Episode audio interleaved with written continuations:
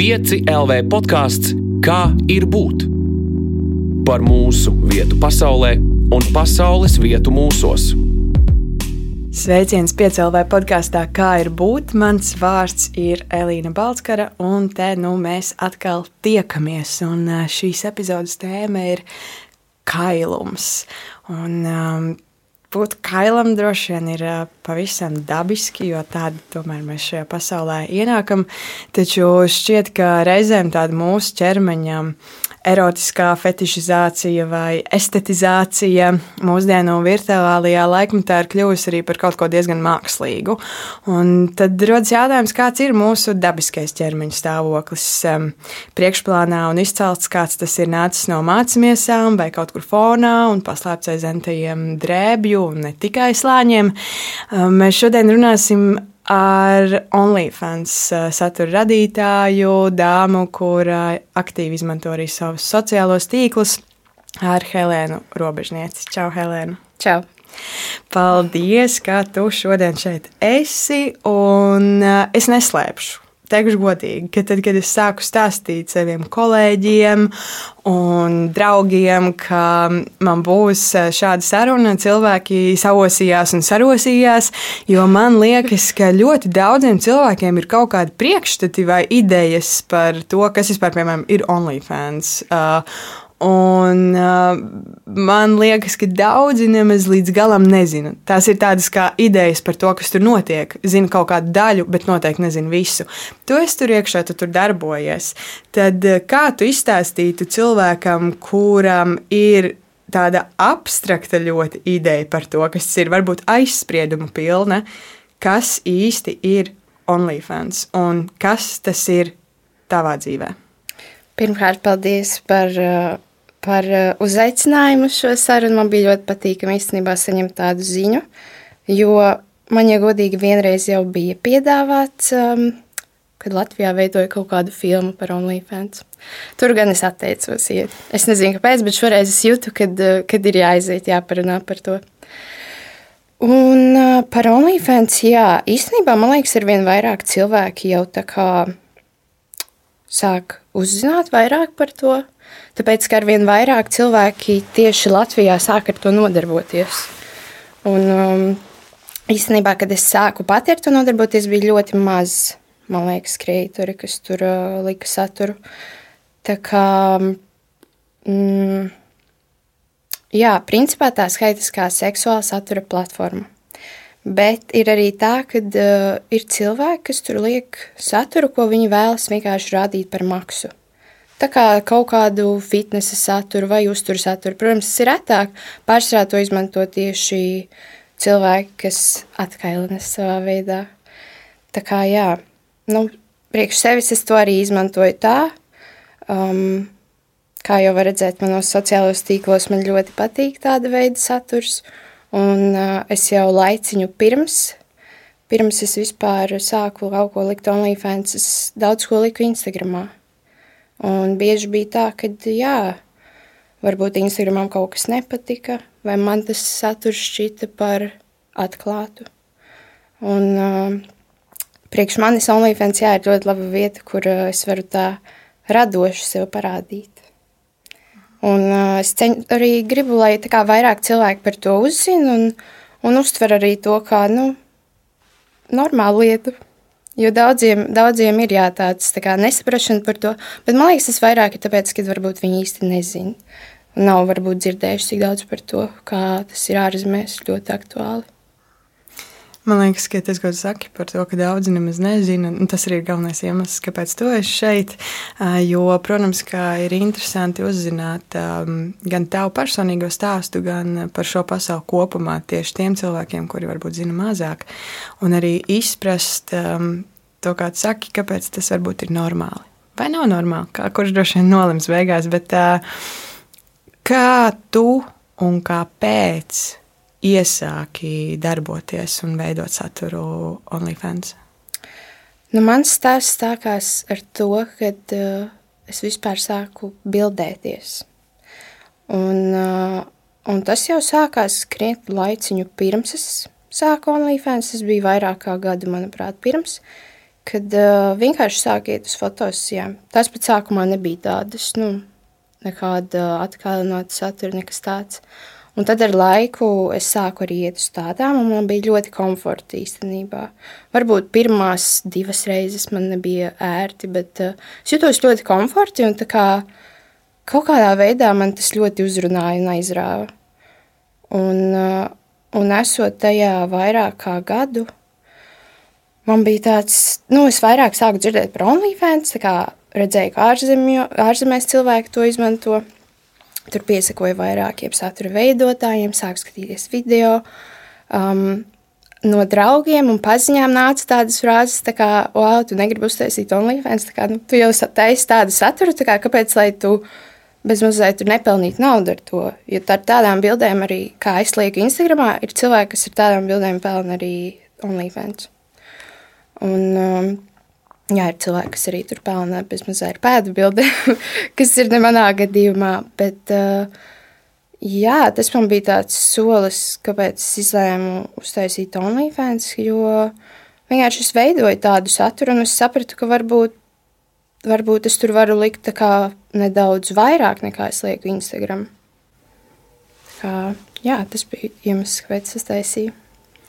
Vai tev bija kaut kādā veidā grūti vai mazāk grūti nu, pārkāpt tam solim, ka tu par savām bildēm prasi naudu. Jo es pieļauju, un es esmu dzirdējis no citām dāmām, kas to dara, ka tas solis psiholoģiski sākumā ir nedaudz sarežģīts.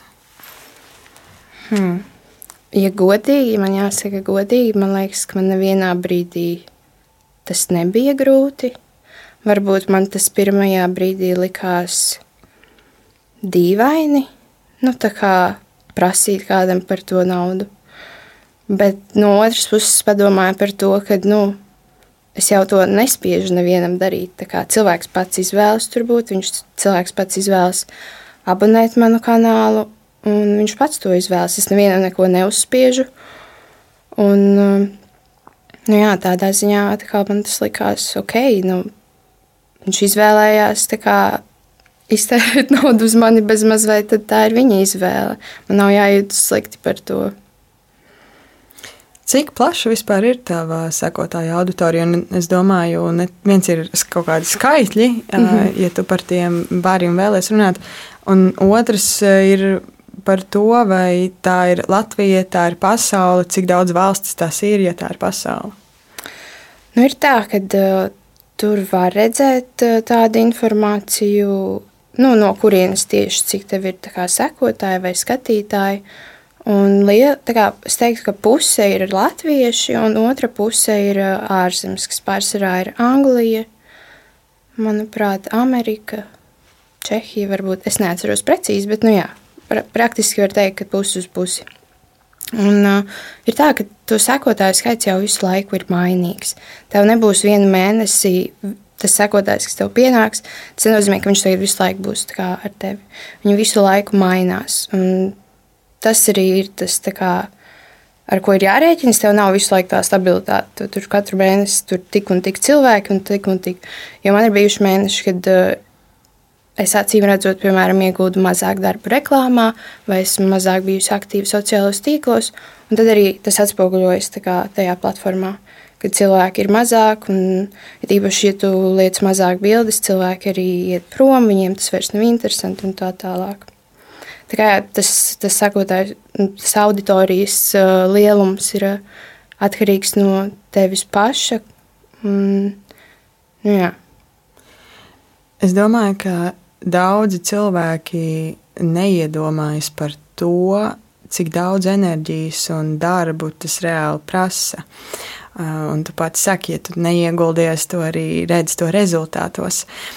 Cik daudz no tavas ikdienas tu velti šī satura veidošanai reāli? Realtātē, ja es skatos, kā bija sākumā, sākumā es to darīju vispār ļoti maz. Tā kā es to darīju bez mazliet tā, nu, kad man sagribas, tad es tur ieju.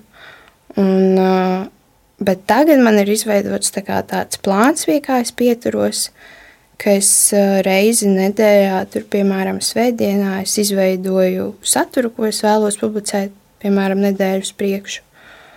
Un, un tad man to atlikušo nedēļu nav jāiespring uz to, jo kā jau principā ar jebkuru darbu, to arī var saukt par darbu, tā kā tev nav varbūt visu laiku tā milzīgā motivācija tā kaut ko publicēt, kaut ko darīt. Tāpat arī man sociālos tīklos dažreiz man uznāk, ka man ļoti gribas dalīties, un dažreiz man uznāk, kad, eh, kad man neko negribas publicēt, un ka es nejūtos labi vai, nu, jā, jebkāda iemesla dēļ.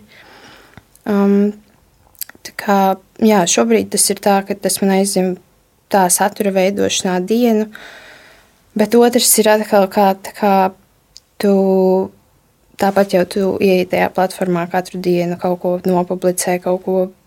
Nu, tev ir jāizplāno, kā, ko tu aptuveni gribi publicēt, kā tu vēlēsies sevi reklamēt. Un tā reklāma jau principā aizņem vislielāko daļu laika. Jā, tu pieminēji arī Instagram un citus sociālos tīklus. Vai tas nozīmē, ka tavā aktivitāte, piemēram, Instagramā tajā pašā, ir um, nu, principā daļa no tā, lai tu varētu veiksmīgi darboties OnlyFans? Es varu piekrist un nepiekrist šim apgalvojumam. Tāpēc, kad Instagramu es jau sāku tur darboties, pirms es izveidoju OnlyFans, man bija pat nebija, man liekas, tik liela atšķirība tajā, cik daudz man tur bija sekotāju. Man tas vienkārši patika, un tajā brīdī tam nebija mērķa iet uz OnlyFans. Tāpēc, eh, bet, nu, protams, šobrīd tā ir lieliska platforma, ko es varu izmantot priekš tās tā kā, reklāmas. Mm, bet, eh, nu, jā, Instagramā, manuprāt, arī to var redzēt, kā ienākot manā, manā profilā. Tas jau nav viss, uz ko es fokusējos. Patiesībā pēdējā laikā es ļoti maz Instagramā lieku tādas fotosesijas, kuras būtu apakšā. Esmu vairāk aizgājusi uz citu pusi. Un, uh, Un uh, man ir citas lietas, kas man kā, ļoti interesē, un OnlyFans nav tas, uz ko es kā, visu to fokusu gribu uzlikt. Jo es esmu redzējusi, ka ir satura veidotāji, kuri uzliek fokusu tikai uz to. Bet ir tāda lieta, ka uh, cilvēks, kā, lai viņš tev, lai viņš gribētu abonēt tev kanālu, viņam ir jābūt kaut kādā veidā ieinteresētam tevī. Tev ir jāparāda kaut kāda personība, kaut kādas savas intereses. Kā viņš negrib vienkārši, nu, viņš var. Um, parastu cilvēku bez nekā aiz, aiz viņa sejas. Viņš var paskatīties jebkur internetā, jebkādās citās saitēs. Tā kā, nu jā, manuprāt, tā, tā personība un dalīšanās ar kaut ko citu, tas ir, tā ir ļoti svarīga kā, daļa no tā visa procesa. Vai tu esi sajutusi cilvēku aizspriedumus par uh, darbošanos OnlyFans tieši kas saistīti ar, uh, ar tevi pašu? Nu, īstenībā es gribētu teikt, ka es esmu cilvēks, varbūt retais no tiem, kurš nemaz nav saņēmis tik daudz negatīvismu par to. Um, Bet uh, vienmēr tu, nu, tu nezini, ko cilvēki patiesībā domā. Nu, tev aiz muguras ir viens tas, ko viņi tev tur saka ikdienā, vai, vai nu, jā, bet nu, tu nezini, varbūt viņam ir pavisam cits domas par to.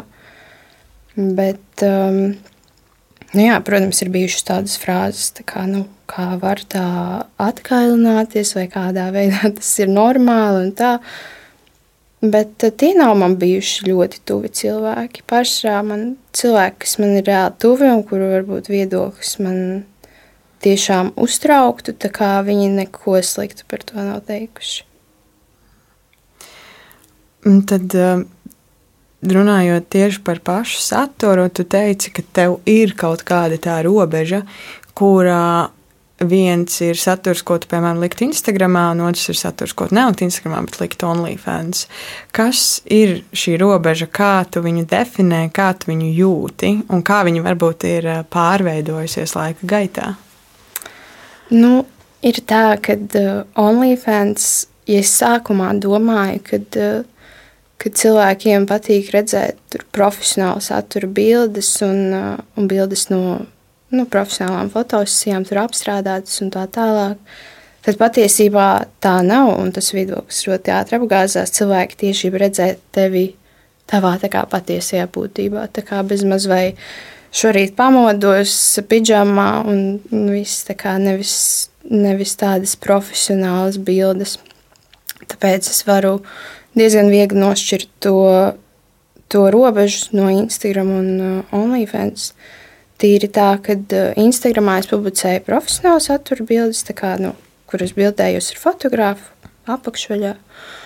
Un, uh, un OnlyFans tas ir vairāk tā kā, kad es bildējos vienkārši ar savu, pati ar savu kameru un, un tā. Bet um, par to robežas nošķiršanu. Nu, principā es, es neesmu tas satura veidotājs, kurš liek ļoti atkailinātu saturu arī OnlyFans. Man ir tā robeža, kurai es neju pāri, un kuru es zināju, ka es nekad nepār, nu, nepārsniegšu jau pirms kā, es vispār, vispār pieregistrējos tajā platformā. Tā kā Un es arī kā, to nelauzīšu, lai arī cik daudz es, tā teikt, pressure saņemtu no cilvēkiem, kas ir gatavi maksāt tur nezinu cik daudz. Es zinu, ka man ir mana robeža, kur es nepārkāpšu un kuras jūtos komforti. Kas ir šī robeža? Tā ir robeža, kad nu, es neatkāpos par daudz. Es neesmu pilnīgi kaila kā OnlyFans platformā.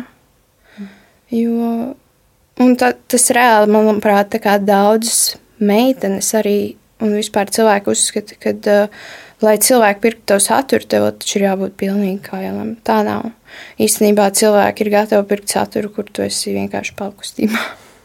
vai nedaudz tā kā kaut kādu interesantāku, vai nedaudz atklātāku. Bet uh, jā, tas, tas tev pat nav jābūt pilnīgi kailam un noteikti uh, nav jāpārkāpj savas robežas, kurām tu negribi pārkāpt. Ko tev vispār nozīmē, piemēram, erotika? Kas tev pašai ir erotika? Erotika. nu, pat nezinu, kā atbildēt šo jautājumu. Tu varētu, varētu teikt, ka tas ir tas pats, kas seksualitāte. Jā. Nu, principā man tas nozīmē daudz. Tā kā arī, manuprāt, katram cilvēkam ir kaut kādā veidā jāizpauž sevi seksuāli. Jo, kā es lasīju vienā grāmatā, kad seksuālā enerģija patiesībā ir visstiprākā enerģija uz šīs pasaules, un daudz cilvēku to neapzinas, uh, kad, uh, ka tā arī ir kaut kādā veidā jāizpauž varbūt. Un, uh, un man viens veids, kā es kā to daru, ir caur tādām bildēm. Man tas liek justies ļoti kā seksīgi un erotiski. Jā.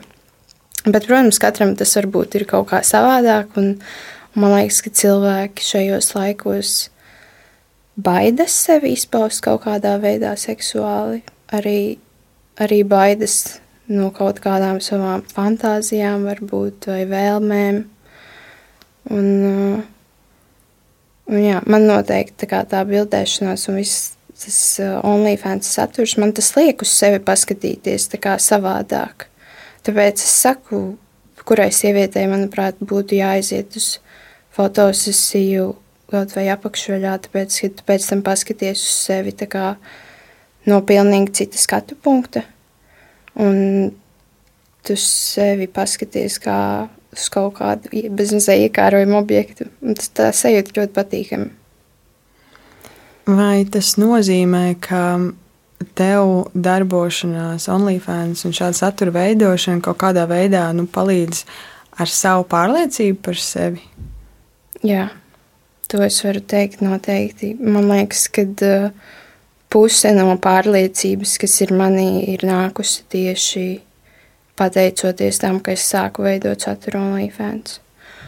Un, uh, un nu, arī ne tikai OnlyFans, bet arī Instagramā.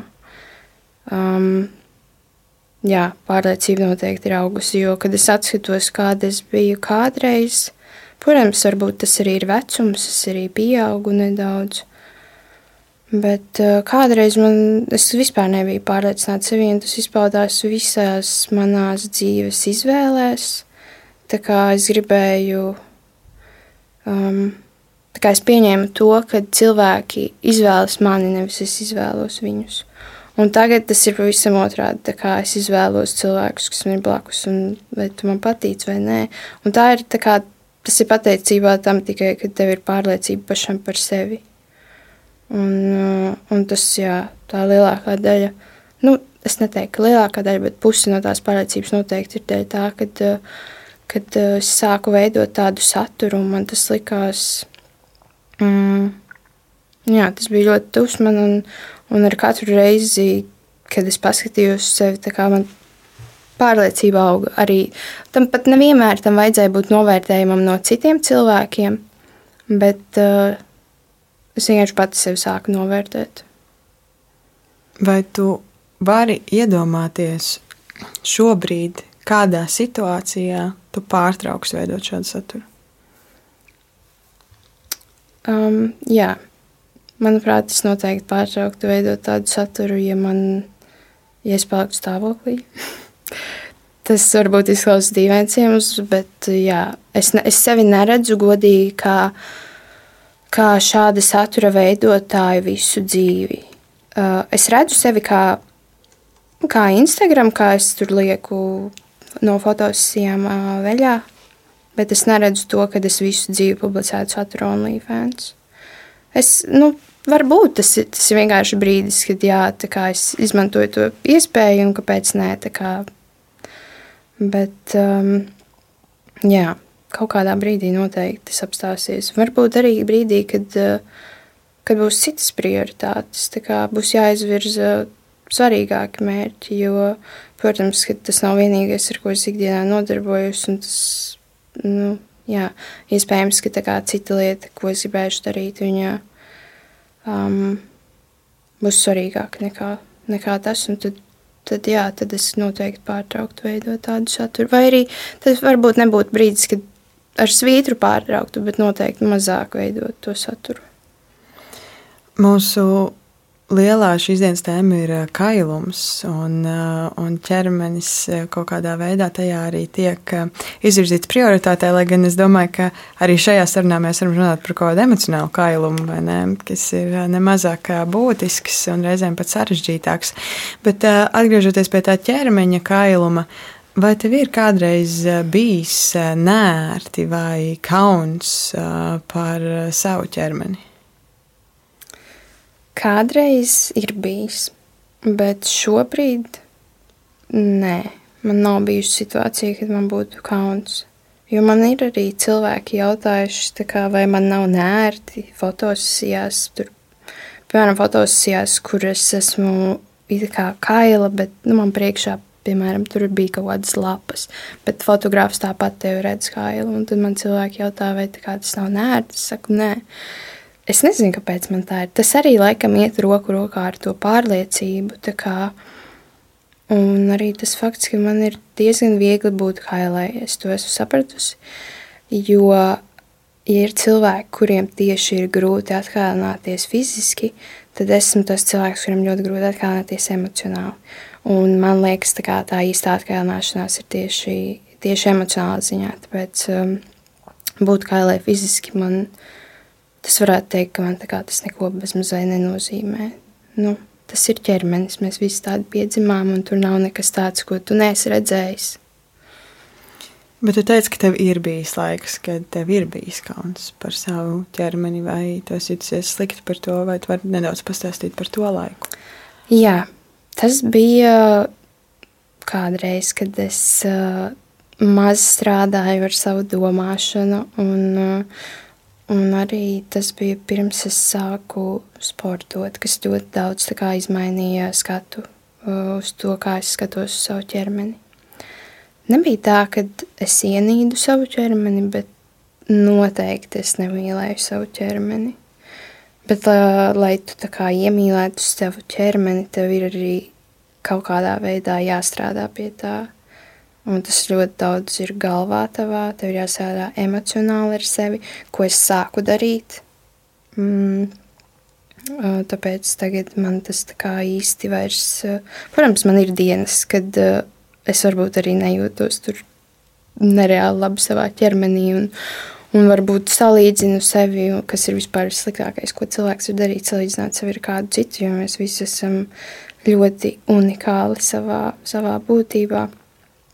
Bet jā, mm, jā, bija tāds laiks, jā, kad, kad es nemīlēju savu ķermeni Es, lai, ja man kāds pirms pieciem gadiem pateikt, ka es ietu uz fotosesijām, kuras esmu apakšveļā vai atkārtināta, būtu tāds nē, tā kā, nu, es tā nevarētu, es nejūtos tik brīvi savā ādā. Bet, jā, tas laiks ir pagājis, un es ļoti priecājos, kad, kad es sāku strādāt ar savu domāšanu, un, un ne tikai fiziski, kā tas, ka viens ir nodarbojoties fiziski ar savu ķermeni un kaut kā to pamainīt, bet otrs ir tas, ka bieži mums viss ir galvā, kā, ka mums nepatīk kaut kādā veidā savs ķermenis. Un, un tad ir jāstrādā. Tas ir tikai un vienīgi darbs ar sevi un, un savām domām. Kas bija tas darbs tieši galvā? Kas bija tās domas, kas tev bija jāmaina, kāds bija šis ceļš? Jo es domāju, ka ļoti daudz cilvēku nejūtas labi savā ķermenī un domā par sevi visdažādākās, arī sliktākās domas. Tad, kas bija tas darbs, ko tu darīji, lai tās um, apgrieztu par labu sev? Nevis, ka tu domā pret sevi, bet uh, par sevi labākā ziņā. Um, es varētu teikt, ka, uh, kā jau es minēju par to sportu, jā, tas bija fiziski, bet nav noslēpums, ka tas arī mūs ļoti ietekmē emocionāli, un mani tas ietekmēja ļoti, ļoti. Tā kā mm, pilnīgi, man tā kā pamainījās visa domāšana, kad es sāku sportot, jo sākot darīt to, es arī sāku lasīt grāmatas par pašu izaugsmi un kā strādāt ar sevi Un, uh, es sāku ļoti daudz laika, pava, laika pavadīt ar sevi, tā kā vientulībā. Um, varbūt izsijājot kaut kādus cilvēkus sev apkārt, jo ļoti bieži tas viss tā nav viena lieta, kas tā kā, ka tev nepatīk savs ķermenis, bet tās ir ļoti daudz lietas, un tam var būt daudz faktori apkārt. Tev vienkārši ir tā kā jāpamaina visa sava domāšana. Un, jā, es ļoti daudz laika pavadīju ar sevi un, un analizēju, kāpēc ir tā, kas man sevī patīk, kas man sevī nepatīk un kāpēc man nepatīk, un vai es to varu mainīt kaut kādā veidā. Vai arī man vienkārši ir jāiemācās ar to sadzīvot. Tā kā es tāda esmu, es tāda piedzimu, un man vienkārši ir jādzīvo svādā. Jo tev, kā, nu, tev būs visu dzīvi jādzīvo tikai un vienīgi ar sevi. Tā kā tev nebūs blakus neviens cits. Tu piedzimsti viens, un tu arī nomirsti viens. Un arī dzīvo principā viens. Protams, tev cilvēki apkārt visu laiku ir un mainās, bet uh, jā, ir, vienā brīdī tev ir jāsaprot to, ka tev visu laiku ir jādzīvo savā prātā. Un tas bija liels darbs tieši ar, uh, ar sevi, jā, lai, lai izmainītu to domāšanu. Tu gan man teici, ka tev ir uh ļoti grūti atkalnāties emocionāli. Un es ceru, ka mums pietiks laika arī par to vēl vairāk parunāt. Bet, ja es tevi varu lūgt, vienu emocionālo drēbi novilkt un varbūt uh, izstāstīt uh, kādu lietu tajā domu gaitā, ko tu tikko aprakstīji, ka tu centies saprast, kas ir tas, kas tev nepatīk, vai tu to vari mainīt, kā tu to vari mainīt, vai, vai tev tas ir jāpieņem, vai tu vari mums iedot kaut kādu vienu piemēru no tā, kā tas tev tas tiešām bija tieši par. Var vēlreiz par ķermeni, kur, par tev, ķermeni. kur tev kaut kas nepatīk. Tu tikko stāstīji, ka centies saprast, kas ir tās lietas, un vai tu tās vari mainīt, vai tu tās nevari. Kā tu vari mainīt, ja vari, vai kā tu tās pieņēmi, ja tu nevarēji mainīt. Vai tu vari iedot vienu piemēru tai lietai, ko tu saprati, ka šī man nepatīk, un kā tu to domu vērpi tālāk. Nu, es varu pateikt, piemēram, piemēru, kad uh, man, piemēram, nepatika savs augums. Un, uh, un tad arī tu respektīvi sev pajautā, vai tu to vari mainīt vai nē. Protams, ka tu vari to mainīt kaut kā ar sportu vai arī, nu jā, ar sportu kaut vai. Un tad arī respektīvi izvirzi tos mērķus un dari tās lietas, kas tev palīdzēs izmainīt to. Un, un ar, katru, jā, ar katru lietu tā iz, izanalizējot, kā, un ja tu nevari to mainīt, tad kā tu vari uz to skatīties savādāk? Varbūt tu to mīnusu vari pārvērst par plusu, un kaut kādā veidā varbūt tas tev padara par unikālu. Tev ir tādi mīnus, ko tu esi savā galvā pārvērtis par plusiem? Tā, tas man ir jāpadomā. Noteikti ir. Jā, uh, varbūt pat tas nav fiziskais aspekts, bet emocionālais. Lietas, ko es vienmēr esmu nīdusi par sevi. Ar laika gaitā esmu mēģinājusi ar tām strādāt un, un pateikt sev, ka varbūt tas nav nemaz tik slikti. Kas ir šīs lietas? Nu, piemēram, tas, kad, kā jau minēju par to emocionālo atvēršanos, es ļoti ilgu laiku uzskatīju, ka tas ir ļoti slikti un ka man ir jāstrādā ar to ļoti. Kas ir taisnība, tā kā man ir ar to jāstrādā, bet um, tas noteikti nav vienmēr mīnus.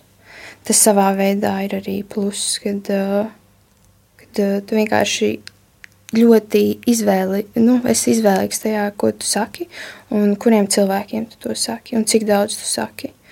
Un kaut kādā veidā jau tas arī um, ir labi. Kā, kad tu cilvēkam neatveries varbūt pilnībā. Ko vai drīzāk kāds, tavuprāt, ir perfekts ķermenis? Man liekas, ka nav perfekta ķermeņa. Mm, jo tas mēs esam tik dažādi savā būtībā, un uh, Un, um, man liekas, ka perfekts ķermenis ir tas cilvēks, kuram ir ķerm, ķerm, cilvēks, kuram ir tā lielā pašpārliecība. Tad viņš arī izstaro to, kad viņam ir. Nu, viņš dod to pārliecību, ka viņam ir, viņš ir pārliecināts sevi un, un ka viņam, viņam ir tas perfektais ķermenis. Jo tā vizuāli es neuzskatu, ka ir tāds perfekts ķermenis. Tā mēs, mēs visi esam unikāli. Nu, jā, tā, tāda ir mana atbilde uz to. Un es piekrītu tev par to, ka mēs visi esam unikāli, bet tajā pašā laikā sabiedrībā ir ļoti daudz kaut kādi skaistuma ideāli, kas uh, mainās gan laikā, gan kultūrās, gan dažādās sabiedrības grupās un uh, subkultūrās. Bet tās skaistuma idejas kaut kādas vienmēr gaisā ir bijušas.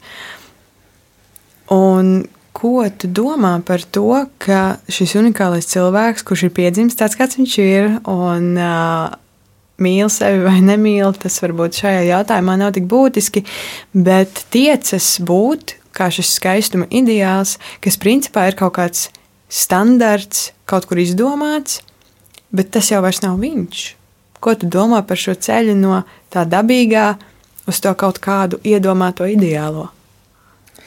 Jā, man liekas, es pati esmu bijusi arī upuris tam, kā tiem skaistuma ideāliem, kad tu tiecies uz to Un tev liekas, ka kā, tev vienkārši gribi tāds būt, bet patiesībā tu vienkārši apkārt to visu redzi, un tev ir tas spiediens galvā, ka tas ir tas skaistais, un tas ir tā kā, tā kā ir pieņemts būt, bet tā ir bijis visu laiku, jo jau tūkstošiem gadu atpakaļ ir bijuši skaistuma ideāli, un to var redzēt, skatoties, eh, jā, kādi ir bijuši cilvēki tajos laikos. Tā, tas nav, tā nav kaut kāda lieta, kas ir notikusi tikai šajā gadsimtā. Tā kā tas velkas līdzi jau ļoti ilgi, un, eh, nu jā, nereti mēs esam tam upuri. Bet man liekas, ir ļoti svarīgi izvērtēt, kā, kurā brīdī tu tiecies vienkārši pēc tā, tāpēc, ka tā ir modes lieta, uh, vai tāpēc, ka tev tas tiešām patīk. Mm.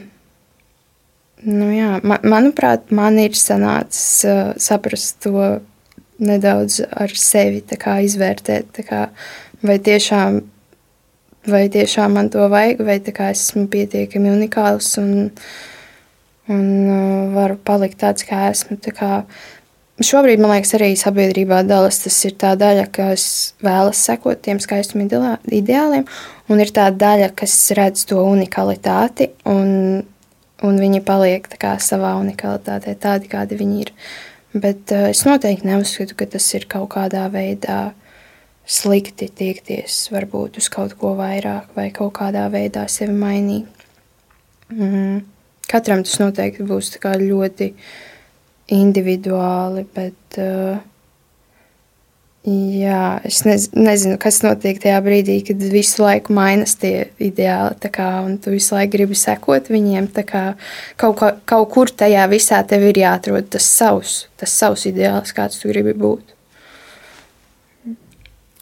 Tu mini, ka pati esi bijusi upuris. Vai tu vari nedaudz vairāk um, pastāstīt par to? Nu, jā. Jo redzot, piemēram, kaut kādas meitenes tur uh, sociālajos tīklos, uh, šobrīd ir tas aptuvenais skaistuma ideāls, ko es nojaušu, un reizēm tu sāc sevi salīdzināt ar to. Un tev ir tāds, tā kā varbūt man jāpamaina tas, un varbūt tagad ir kā stilīgi izskatīties tā. Un, uh, un uh, tas pats ar tām, ar visiem lūpu filleriem un tām lietām. Tā kā, ja man bija viens tas brīdis, kad man likās, jā, man vajadzētu arī kaut ko tādu izdarīt, tad, uh, tad kaut kādā veidā es no tā no, no tā sevi tā atrunāju, un es sapratu, ka nē, nē, es negribu, es ne, ne, negribu to sākt, jo man liekas, pēc tam apstāties un, un, vairs, un beigt sevi salīdzināt ar kādu citu, kā tas nekad nebeidzas, ja tu to sāc darīt. Tev kaut kādā brīdī ir jāsaprot to, ka tu esi Jā, es atkārtošu vairākas reizes, bet to, ka tu esi unikāls un kā, tev nav jābūt tādam kā visiem. Un, uh, nu, jā. Vai tu esi domājis par to, ka tā kā tu skatījies, vai varbūt reizēm joprojām skaties uz kādām sievietēm un domā, cik viņa ir skaista, es gribētu būt kā viņa, vai es gribētu kaut kādu konkrētu savu ķermeņa daļu vai kaut ko citu savā dzīvē, kā viņai, ka ir sievietes, kas šādi skatās uz tevi, vai tu esi domājis tādā apgrieztā skatījumā uz to? Es esmu par to iedomājusies, bet man ir grūti aptvert to. Bet, nu, es saprotu, ka noteikti tā, tādas sievietes ir. Un, um, pašam jau tā grūti ir to apzināties, kā, ka kāds skatās uz tevi un varbūt vēlas kaut ko tādu vai tādu. Mm Jo pats jau tu esi pieredzis pie sevis, un tev ir grūti, jā, mēdz būt grūti redzēt, varbūt tās labās lietas sevī, ja tev kāds to nepiemin vai neizceļ. Jā. Ko tu domā par um, mākslīgo skaistumu un ko mēs vispār varam saukt par mākslīgu?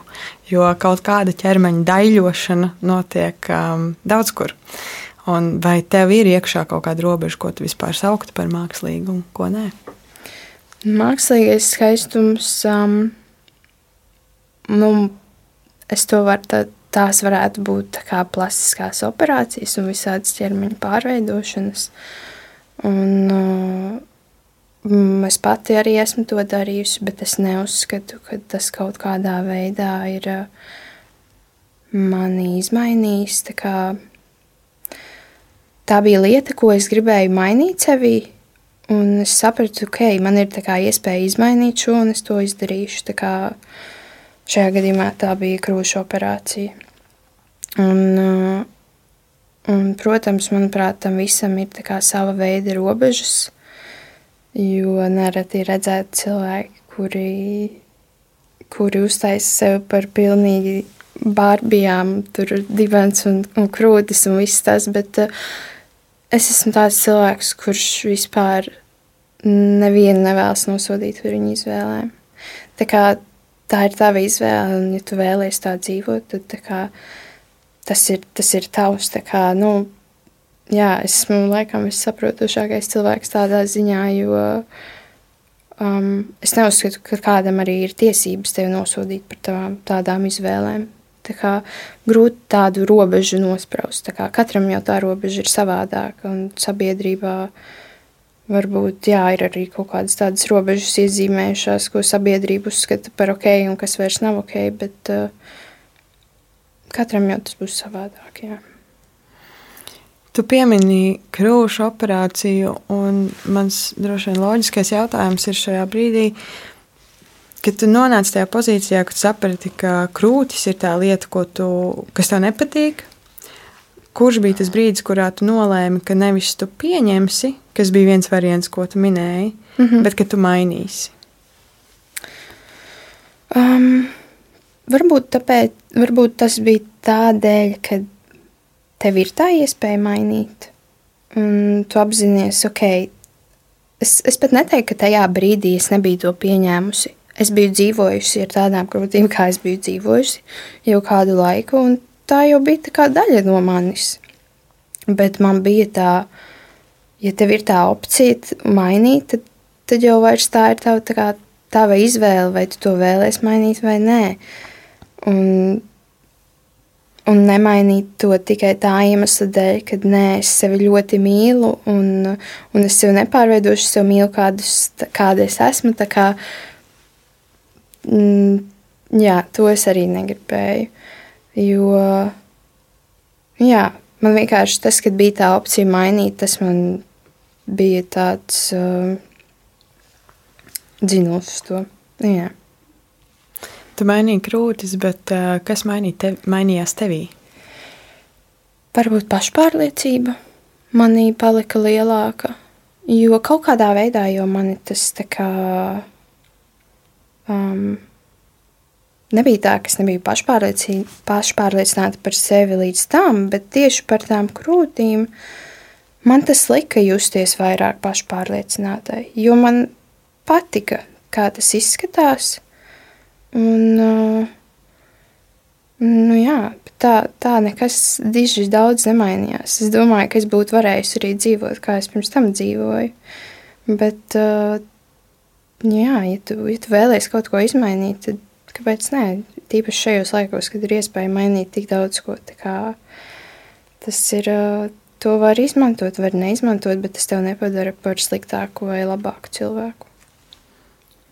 Ja tev šodien būtu vēlreiz jāpieņem lēmums, vai tas būtu tas pats? Jā, noteikti. Būtu tas pats.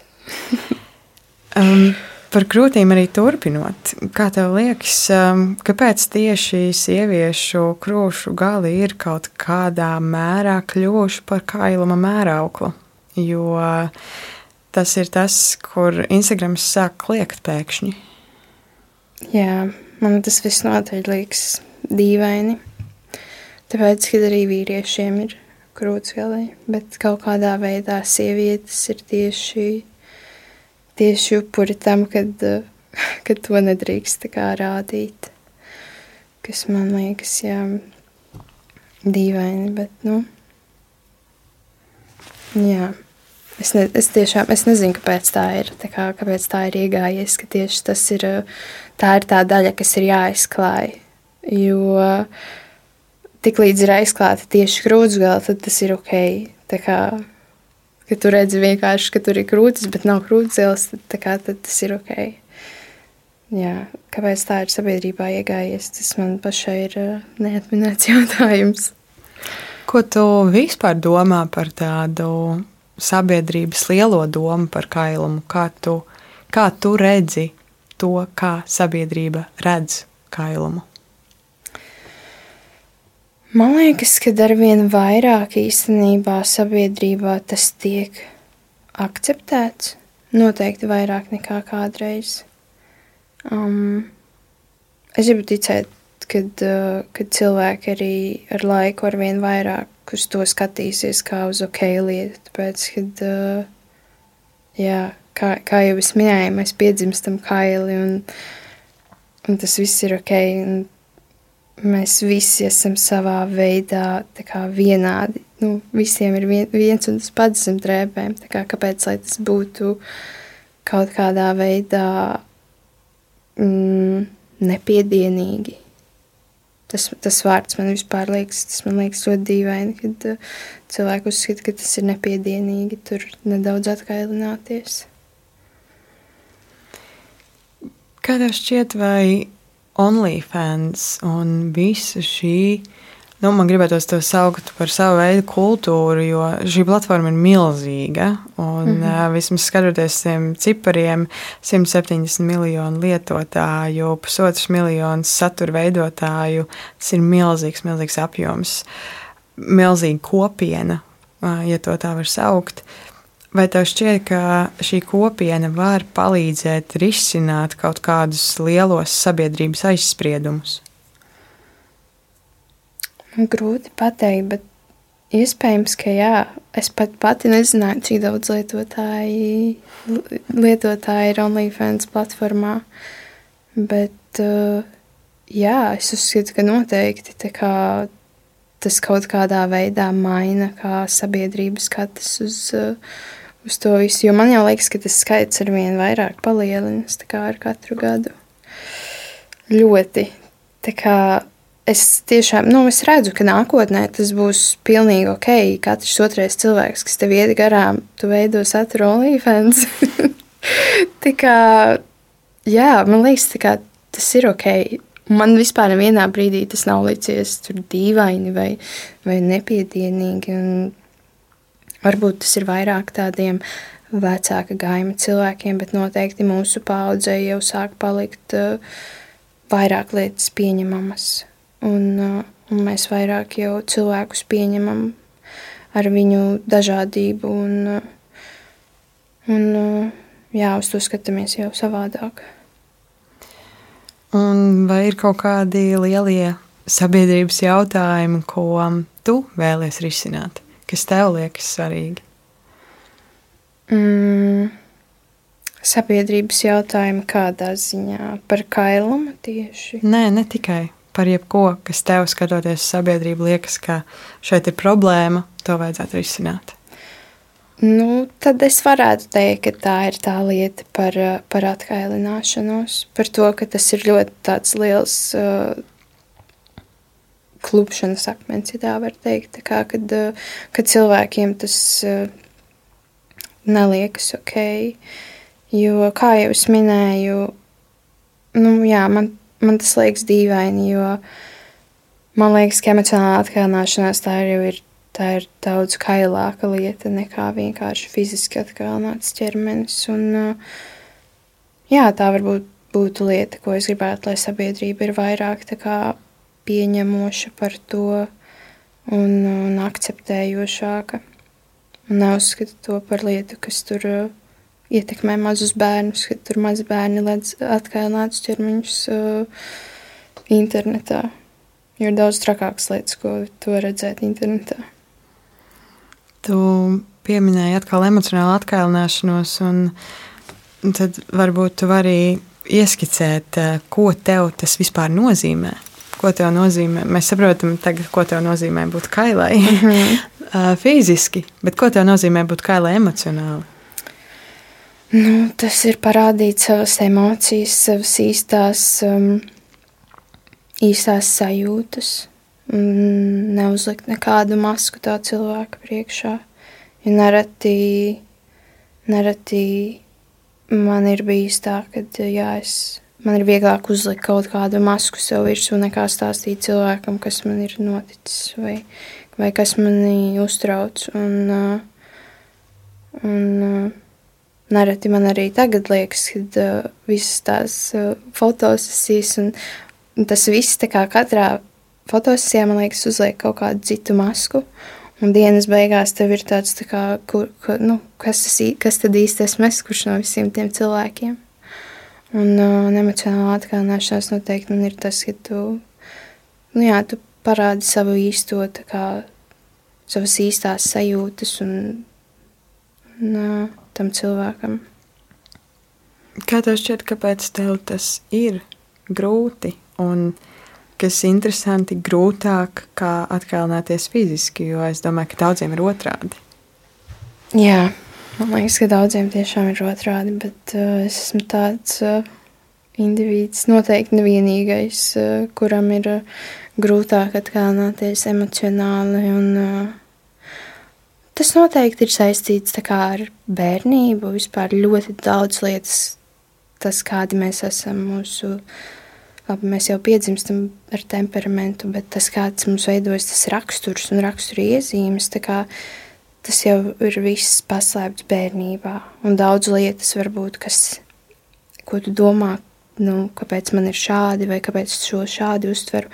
Tu vari patīt laikā atpakaļ un paskatīties bērnībā. Kā varbūt tev bija kaut kāda trauma ar to, vai uh, kāds cilvēks tevī iesēja šo patiesību. Un, uh, un man ar to emocionālo atkāpšanos tas noteikti ir uh, no bērnības, no jaunības, no tā vecuma, kad uh, es daudz kā, dzīvoju viena un biju viena. Un, Un, un daudz pārdzīvoja viena, un nevienam to nestāstīja. Mm. Un tā, tā, tā tas ir atstājis pēdas arī nu, manā dzīvē šobrīd. Es jautāšu jautājumu, kur man pat nav nejausmas, vai tas var būt saistīts vai nevar. Bet vai tev pašai šķiet, ka varbūt šī fiziskā atkalināšanās kaut kādā mērā tev kompensē to, ko tu nevari atklāt emocionāli. Vai tas par to domājus? Jā, iespējams, iespējams ka tā varētu būt īstenībā. Um, jā. Jo tas jau ir tāds, um, man liekas, nu, tas kailams, jebkurš ir par, uh, par to, vai tevi kāds. Uh, ierauga, vai ne? Jebkurš no kailumiem un to, kā tu jūties un savā tajā patiesajā. Un, um, interesanti, ka mēs tā aizgājām līdz tam, ka tur ir tie divi un kā tie kopā strādā. Runājot um, par savu pieņemšanu, gan fiziski, gan emocionāli, ko tu domā par novecošanu? Tu esi šobrīd ļoti jauna, un, un, un tavs ķermenis pat kaut kādā veidā veidojas. Nesen ir beidzis veidoties, ja tā varētu teikt. Bet uh, dzīve vēl jādzīvo, un ķermenis uh, vienā brīdī ļoti sāk mainīties. Uh, tev, tev, tev ir bail par to domā vispār? Jā. Liekas, es domāju par to vairāk nekā vajadzētu domāt 22 gadus jaunai sievietei. Jo ja man ir bail, tad, man, tad es varu teikt, ka man ir viena baila, no kā man, kas man ļoti biedē, un tas ir vecums. Man ir bail no novecošanas. Es gribētu būt jauna ilgāk. es saprotu, ka tas neizbēgami, bet es arī saprotu to, ka iespējams tas mainīsies ar laiku. Jo kaut kā jau mēs to katru vecumu pieņemam, un katrā tajā vecumā ir kaut kas skaists. Tāpēc es domāju, ka arī ar laiku es novecošanu pieņemšu kā skaistu es būšu izbaudījusi gana daudz savus jaunības gadus, un, un es varbūt gribēšu jau novecot. Kā tev liekas, kāpēc tu no tā baidies? Kas ir tas, kas tev tajā biedē? Jo, zini, kā parasti saka to, ka cilvēks jau nebaidās no tumsas, cilvēks baidās no tā, kas tajā tumsā var būt. Jā. Tad kas ir tas? Tad droši vien nebaidās no novecošanas, tad baidies no kaut kā šajā novecošanā. Kas ir tas? Man šķiet, ka man tas ir kaut kādā veidā um, tā apziņa, ka tīpaši es bērnībā, un es pieņemu, ka neesmu vienīgā, daudz dzirdēju frāzi, kad, uh, um, nu, kad novecojas cilvēks, uh, viņš kaut ko nožēlo, ka viņš kaut ko neizdarīja vai kaut ko izdarīja ne tā. Vai, man liekas, ka man ir bail no tā, ka uh, es novecošu un es nebūšu izdarījusi tik daudz, cik es gribēju, vai es sapratīšu to, ka bācis, tā kā es varēju izdarīt vairāk un es varēju būt tur un tur. Bet nu jau es esmu novecojis un viss. Man, man laikam ir bail no tā, ja, kad uh, es kaut ko nepaspēju izdarīt, ko es varbūt gribēju, gribas, gribējuši dzīvē izdarīt. Kas ir tās lietas, ko tu šobrīd gribi izdarīt, kas, kuras tu vēlāk negribi nožēlot, ka tu neesi izdarījis? Es noteikti gribu daudz ceļot. Ļoti. ļoti. Um, Un man tas ir ļoti svarīgi kā, dzīvot tādu dzīvi, kuru es pati izvēlējos, nevis ko, ko, nevis ko man bija jāpieņem. Bet tā kā dzīvot tādu dzīvi, ko es izvēlējos, kas noteikti būtu daļa, tā ir ceļošana un, uh, un, uh, un kaut kādā veidā darīt to, kas man patīk. Mm, lai arī kas tas būtu, tā kā, protams, gadiet un, un mēs paši maināmies un tās lietas, varbūt, kas mums kādreiz patika, tas mainās.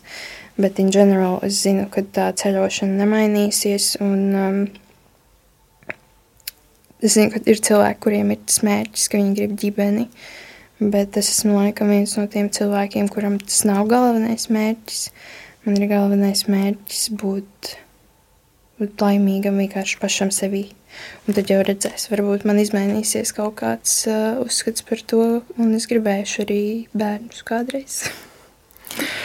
ja tu satiktu tagad, um, nu, varbūt ne gluži pavisam mazu Helēnu, bet, ja tu satiktu sevi tādā agro 11 gadu vecumā, kaut kur līdz 15. posmā, um, un tev būtu iespēja paņemt to Helēnu pie rokas un pateikt viņai uh, vienu lietu, kas būtu tas, ko tu gribētu tai mazai meitenei pateikt? Hmm. Viena lieta. Es laikam pateiktu, ka vienkārši ka viss būs labi un ka nav jāuztraucas par, eh, par visu, kas notiek apkārt, un ka beigās vienmēr viss ir labi. Nereti mums šo frāzi vajag dzirdēt arī pieaugušā vecumā, kad vienmēr viss beigās taču nokārtojas. Viss, par ko mēs uztraucamies. Es ceru, ka tā patiešām ir un ka tev patiešām būs arī tev, un to es eh, tev novēlu. Neticami ātri ir pagājuši šī saruna. Tiešām man sen nav tā skrējis laiks, un uh, paldies tev, ka tu atnāci. Un, uh, man gribētos um, ticēt, vismaz cerēt, ka nedaudz atklājies arī, atkailinājies arī emocionāli. Uh, es tiešām, tiešām ceru, ka tas tā ir, jo es ticu, ka tas ir svarīgi ne tikai mums visiem, bet arī tev personīgi. Tāpēc paldies, ka atnāci. Paldies liels par sarunu. Bija forši. Es priecājos, ka atnāci. tas labi. Tas pats labākais, ja iesiet mājās ar, ar tādu labu sajūtu. Nevis, ai, kur tas tā aizgāja, paviesoties. Um, paldies tev tiešām, ka atnāci. Paldies arī tev, ka tu klausījies. Um, šī bija 84. epizode, 85. būs uh, nākamajā nedēļā klāt. Parasti katru pirmdienu, agri no rīta. Tu vari atrast Latvijas Rādio 5 mājaslapā, Latvijas Rādio lietotnē un visos populārākajos straumēšanas servisos jaunu un svaigu, kā ir būt epizodi. Tāpēc um, tiekamies tajā jau pavisam drīz. Pagaidām saku atā!